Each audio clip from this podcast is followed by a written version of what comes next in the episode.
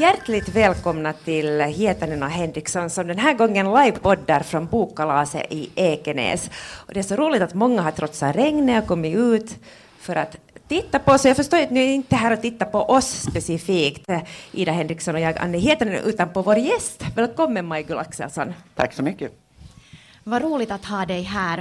Uh, vi har läst din senaste bok, Ditt liv och mitt. Ehm, som liksom, liksom, du är känd för att, att ta den lilla människans sida och behandla dem som lätt skyfflas undan och blir bortglömda.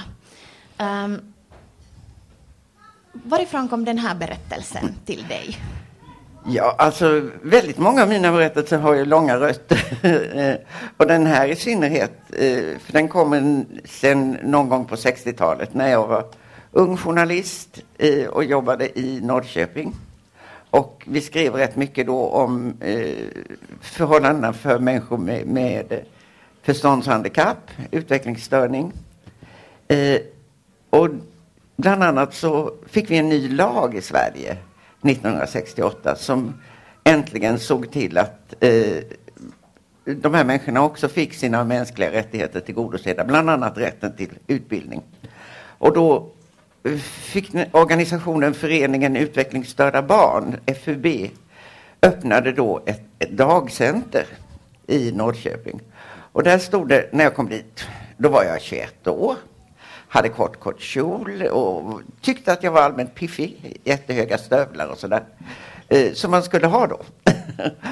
och så kom det en pappa med sin son och sonen skulle börja på det här dagcentret som FUB började, hade startat där. Och den här pojken han var två år, eller ja, ett eller två år yngre än mig. Och han var så blyg så han vågade inte säga någonting till mig. Han stod bara och tittade på sina fötter. Och så papp, men pappan pratade och berättade att den här pojken hade aldrig varit på institution utan de hade vuxit upp hemma. Men han hade ju inte fått någon skolgång ordentligt och, och ingen träning och sådär. Men det jag la märke till då, som 21-åring, modemedveten, det var ju att den här pojken var klädd som på 40-talet. Alltså pappan och mamman klädde honom som de klädde sig själva när de var unga.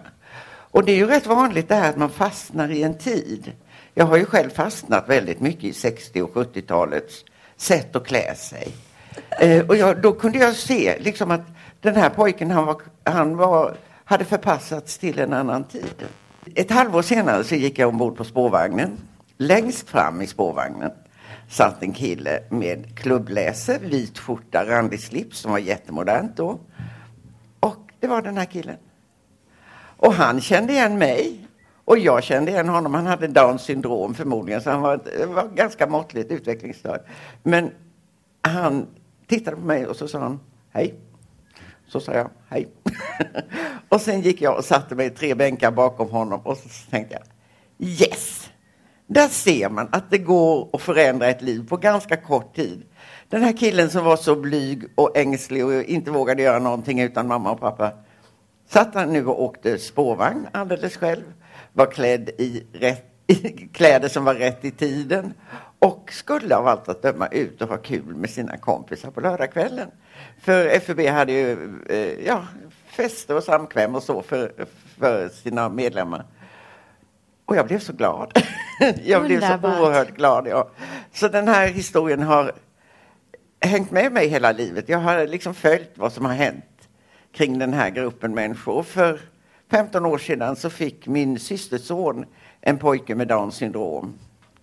Och det var ju naturligtvis också omskakande. Man brukar ju säga när man får ett utvecklingsstört barn så är det som om man har beställt biljett för att flyga till Rom. Och sen visar det sig att man hamnar i Amsterdam. och då gäller det på något sätt att, att, anpassa sig till att man är i Amsterdam. Och eh, den här mamman, den unga mamman, när hon fick veta dagen efter förlossningen att pojken hade Downs syndrom, då vände hon ryggen till. Och sen låg hon i fyra timmar och tittade in i väggen. Sen vände hon sig om och tog itu med det. Och den här pojken, jag blev så glad när jag fick höra det första ord han sa, utöver att han sa mamma och pappa. Vet ni vad det var? Då var han fyra år. Då sa han nej. Nej! ja, nej. Och det, är så, det var en sån medalj åt hans föräldrar. För bara den som är riktigt trygg och vet att han är älskad kan ha kraft att säga nej. Och jag tyckte det var jättebra. och nu går den här pojken i särskola förstås. Eh, men har kamrater där. Vilket inte betyder att hans liv är okomplicerat eller enkelt, för det är det inte för någon av oss. Utan han är ofta ensam. Men han har ett liv och han har möjligheter att bestämma själv över sin framtid. Mm. Och han kom för ungefär 15 år sedan. Mm. Uh, hur länge har du vetat att du ska skriva just den här boken, Ditt liv och mitt? Det har jag inte vetat särskilt länge. Men jag befinner mig just nu i en väldig diskussion med min pappa som är död sedan 23 år tillbaka. Uh, och vi pratar väldigt mycket om vad det var som hände i Sverige under uh, folkhemsepoken detta att vi plötsligt blev så rika. Vi var ju liksom det, ett av de få länderna i Europa som inte var drabbade av kriget och som fick en enorm välståndsutveckling på 50-talet. Och socialdemokratin tog över och man, vi berömde oss om att vi skulle skapa ett samhälle utan kelgrisar, utan styrbarn. Men det fanns gott om kelgrisar och jag är ju en av dem, vi som föddes i slutet på 40-talet. Och styvbarnen lyckades vi på något sätt fullkomligt osynliggöra. De fanns inte förrän i slutet på 60-talet när det började ställas till bråk. Och de, jag, min förra bok heter, hade titeln Jag heter inte Miriam. Och den handlar om vad som hände med romerna under förintelsen. Alltså zigeunerläger i Auschwitz bland annat. Och om de vita bussarna som Svenska Röda Korset skickade in i Tyskland för att hämta hem nordiska fångar ifrån koncentrationslägren. Men som tog med en väldig massa andra fångar också. Så ungefär 25 000 människor från koncentrationslägren kommer till Sverige. Och en av dem är då en kvinna som egentligen är rom, men som låtsas att hon är judinna. Och eh, det är hon som inte heter Miriam. Men hon, hon kom, eh, lever sen i Sverige som tandläkarfru och har det väldigt bra ekonomiskt och talar aldrig om för någon att hon egentligen är vad man på den tiden kallade zigenare. Och efter det så tänkte jag, de andra styvbarnen, vilka var det? Jo, det var ju de utvecklingsstörda. Och så kom den här boken. Och alla sådana här uppräkningar ska jag ha tre, men nu har jag inte kommit på någon tredje grupp som jag kan ge mig på. Så jag får se. Men nu har du ju gett dig på jag menar, längs med din karriär har du ju behandlat både då romernas situation, psyk, psykisk sjukdom, funktionsvariation, barnprostitution. Ja. Jo, jag brukar säga att jag är en feel bad-författare. istället till skillnad från de här feel good-författarna. Men hur orkar du? Det, det är en skillnad i att vara den som berättar och att vara den som tar emot. För när, jag skrev ju en bok om barnsexhandel just, alltså barn som hamnar i prostitution i början på 90-talet. Och då var jag ju fullständigt upptagen av att jag måste berätta om Rosario, det här var en dokumentärroman som jag skrev då, och om Rosario Baliot som var 11 år gammal när hon dog för att en österrikisk läkare tryckte upp en massagestav så pass hårt i hennes underliv så att muskulaturen brast och staven kilades fast. Eh, om hon skulle leva i det helvetet så jag, måste jag ju berätta om det på ett sätt så att jag inte sopar någonting under mattan och försöker göra det angenämare än det var. Och sen läste jag den där boken eh, ja, nästan 20 år efter den, det att den hade kommit ut och tänkte, åh herregud, jag förstår ju att folk blev väldigt chockad och undrade vad jag var för en sort. Men det var ju för att det är, på något sätt är det lättare att vara den som berättar än den som tar emot en sån här berättelse. Det insåg jag ju när jag själv var mottagaren så att säga många år efteråt. Men då har du ju ändå levt, i och med all research, alltså du har ändå levt med de här ämnena i många år säkert. Mm. Hur klarar du av det? Jag är väl en rätt hårdhudad typ. Nej, men ofta känner jag mig som en femåring som säger jag ska minsann berätta. Jag ska minsann tala om vad de gjorde. Och, så, ja, och det är väl förmodligen en gammal mekanism från den tid jag var journalist. För det är väldigt mycket sånt så reagerar man ju som journalist, alltså att jag ska minsann tala om. Det... Men jag tänkte just det där att, att det är ju som journalist är det lätt, eller det är också ett skydd den här ja. journalistrollen du har, det, att ja, det är en sköld. Ja, det är det ju. Men jag är ju, inte, jag är ju inte journalist i den meningen att jag skriver journalistiskt. För det, det vill jag inte göra helt enkelt. Det kan jag inte göra. För det är en, eh, det är en helt annan sak att skriva som en journalist. Då är du utanför, då svävar du ovanför ditt ämne. Men om du skriver litterärt, då måste du gå in i karaktärerna och du måste vara där inne och försöka se genom deras ögon. Ja, ungefär som en aprilhäxa, som min, min gamla roman heter, Aprilhäxan. Och det är ju det man gör, både när man läser och när man skriver skönlitteratur. Då går man in i någon annans kropp, i någon annans huvud och ser med deras ögon. Ganska intressant eh, hopp mellan det här objektiva och så det här väldigt empatifyllda. Men det tycks komma naturligt. Ja. Jag, jag skulle vilja veta om den här researchen i, i, i det här, uh, hur man behandlar de som hade olika variations, vad heter det, funktionsnedsättningar, eller variations... Ja. Funktionsvariation tror jag att man Funktionsvariationer säger man nu. Ja. Mm. Det är helt omöjligt att använda i en litterär text, det ordet. ja, alltså jag har läst att det var mycket lättare att hitta om Förintelsen, det, det fanns det ja. mycket fakta. Men hur var det när du skulle undersöka det här? Det var väldigt svårt att hitta material. Eh, för det, det, här är någonting, vi i Sverige har varit väldigt duktiga på att sopa det här under mattan. Men det är ingen tvekan om att under perioden 1920 till 1980 hade vi de här stora, väldiga institutionerna för människor med utvecklingsstörning och plågade folk, ofta till döds. Eh, medellivslängden till exempel för en människa med Downs syndrom var i början på 80-talet 20-22 år. Nu är det ju väldigt många människor med Downs syndrom som blir gamla. De blir ofta dementa tidigare än andra, men, men de eh, lever ju fulla och rika liv fram till dess. Så eh, då, då gav jag mig på att försöka plocka fram så mycket material jag kunde. Och det var inte så mycket som jag hittade. Och det har ju också att göra med att det här är människor som själva är språklösa. Som inte själva har kunnat skriva och berätta. Som, men väldigt många av romerna var ju också språklösa i den meningen att de inte kunde läsa och skriva. De som dog under förintelsen eller som fördes till koncentrationsläger under förintelsen. Men där fanns det andra som skrev ner det, deras erfarenheter i alla fall. Så det fanns en rätt rik dokumentation. Men eh, här fanns nästan ingenting. Och det intressanta är att det lilla jag hittade, då kunde jag se att konflikterna som framförallt utspelade sig på 70-talet mellan psykologer och beteendevetare som trodde på att träning och undervisning kan hjälpa även mycket svårt förståndshandikappade. De stod emot läkarna som länge bara hoppades på starkare och, stark och bättre lugnande mediciner så att de här patienterna inte skulle få utbrott hela tiden. Och den där konflikten lever fortfarande kvar. Och minnet av Vipeholm lever fortfarande kvar i Lund på ett sätt som jag blev lite förvånad över. För min taxichaufför när jag kom dit första gången och skulle åka till Vipeholm. Det var en kille i 30-årsåldern som hade invandrat till Sverige från Palestina.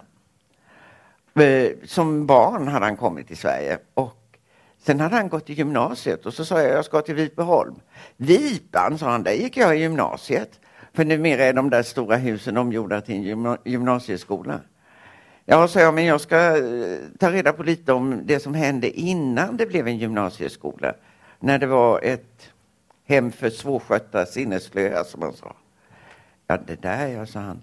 Det vet man ju, de var visst inte så snälla mot patienterna där. Och det är alldeles sant. De var inte snälla mot patienterna. De, det var mycket misshandel. Man duschade inte med vanliga duschar utan man sprutade av folk med kallt vatten i, vatt i slangar. Alltså bara ställde sig och sprutade kallt vatten på dem. Undra på att folk fick utbrott. Jag skulle också ha fått ett utbrott om man hade gjort så med mig. Det sägs ju också att, att verkligheten ofta överträffar dikten. Var det någonting som var så vidrigt som du kom över som du tänkte att det här är för mycket nu för min text? Aldrig för mycket för mina texter. Nej, nej. Ju värre det är, desto viktigare är det att visa det och tala om att så här illa var det. Eh, däremot så tillåter jag mig inte att fantisera kring övergrepp och sådana saker, utan om jag skildrar övergrepp så är det för att jag har hittat dokumentation som visar att så här var det. Mm. Det är ju nog sådana skamfläckar i vår vår välfärdshistoria som du skildrar. Men på något sätt, vi har funderat med Anne att, att det kanske ändå idag finns fler röster som lyfter fram sådana här missförhållanden än tidigare. Ja. Men, men om man tänker liksom idag, vilka är de grejerna som vi i framtiden kommer att se tillbaka på den här tiden och fundera på, men herregud, varför pratades det inte om det här? Mm. Vad va, va, va finns det för... Ja, i Sverige är det uppenbart att det är flyktingarna.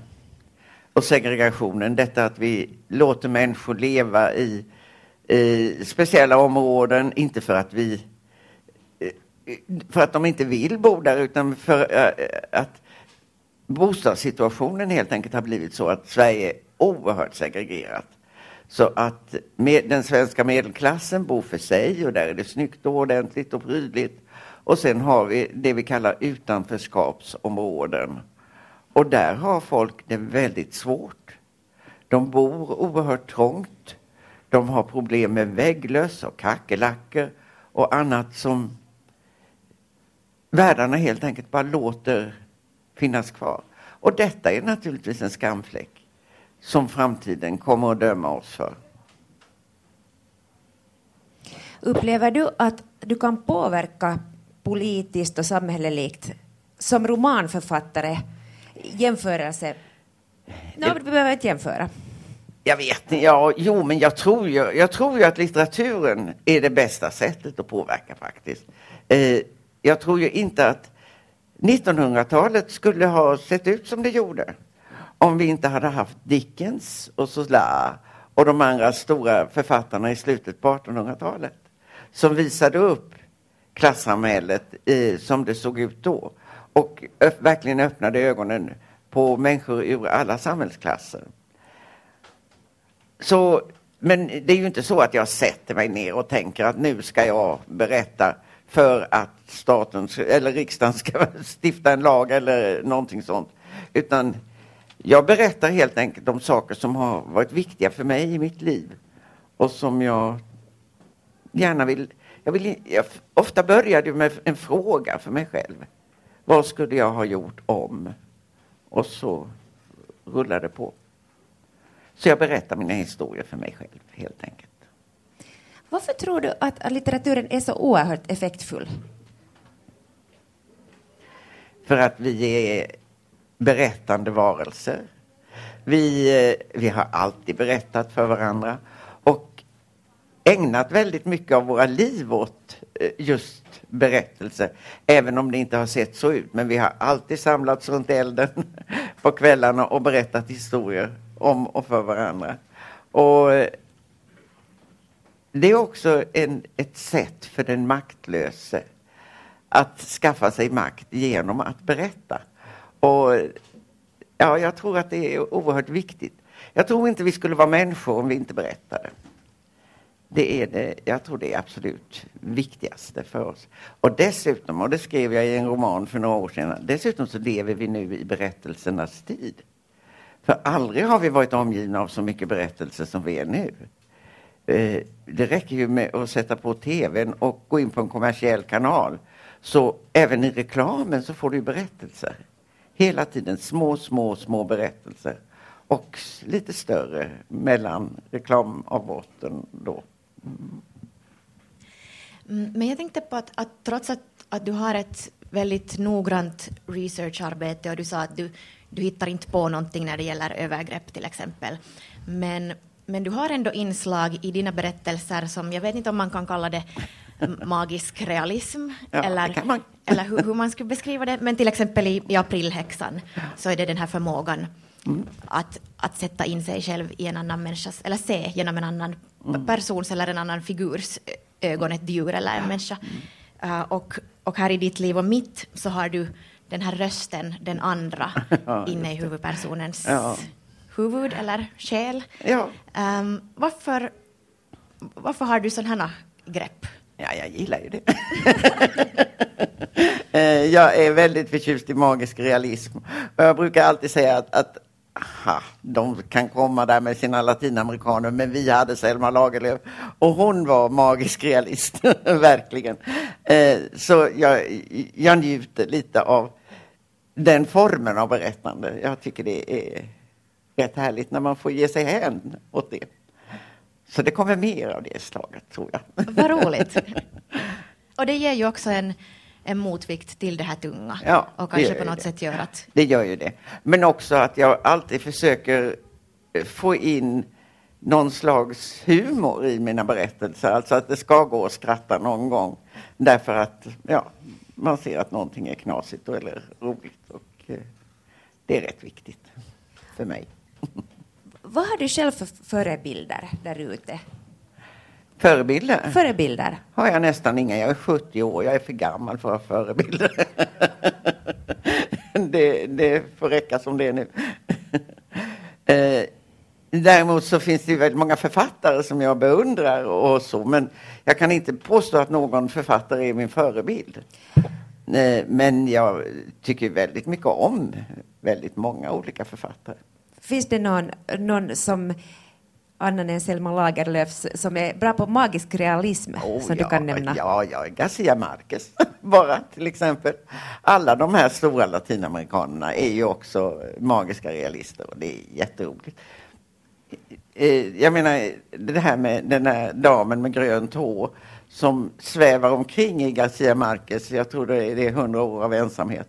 Jag tycker det är väldigt roligt med folk som svävar omkring och har grönt hår.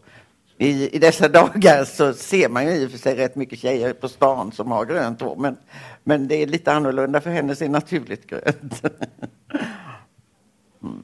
Jag satt och funderade på att varför vi alltid säger att det är i Latinamerika de har magisk realism och det stämmer ju inte, det finns ju Nej. överallt. Det finns överallt. Ja, vi måste sluta säga sådana saker som upprepa dem att så här är det så här, det behöver inte alls stämma.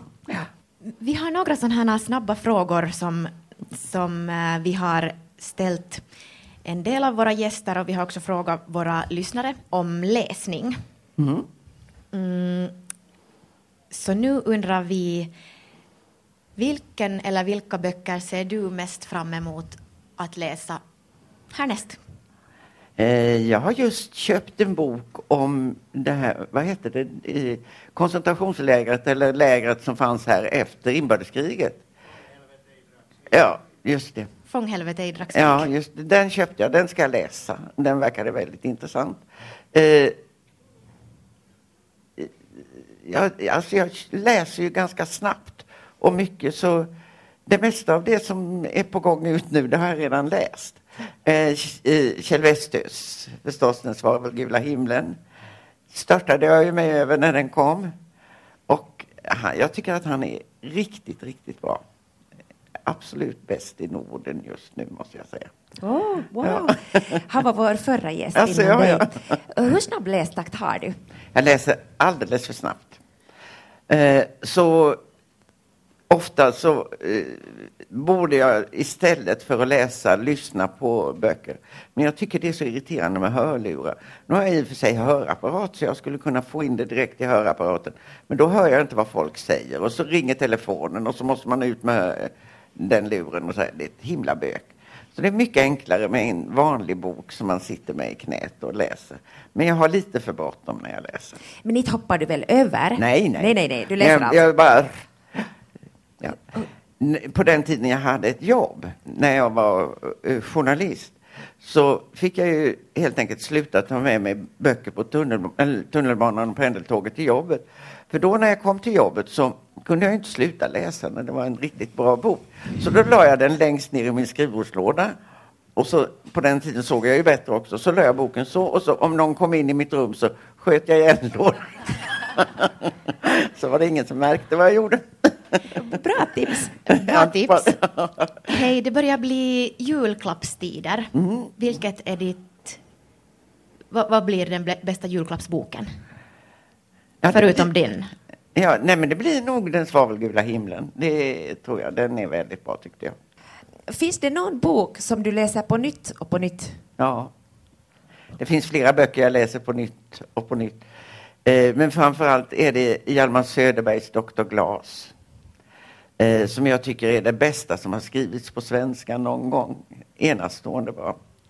Eh, jag läser också om Farlig midsommar av Tove Jansson. Jag är oerhört förtjust i den, just den berättelsen. Jag är förtjust i Mumintrollen alltid.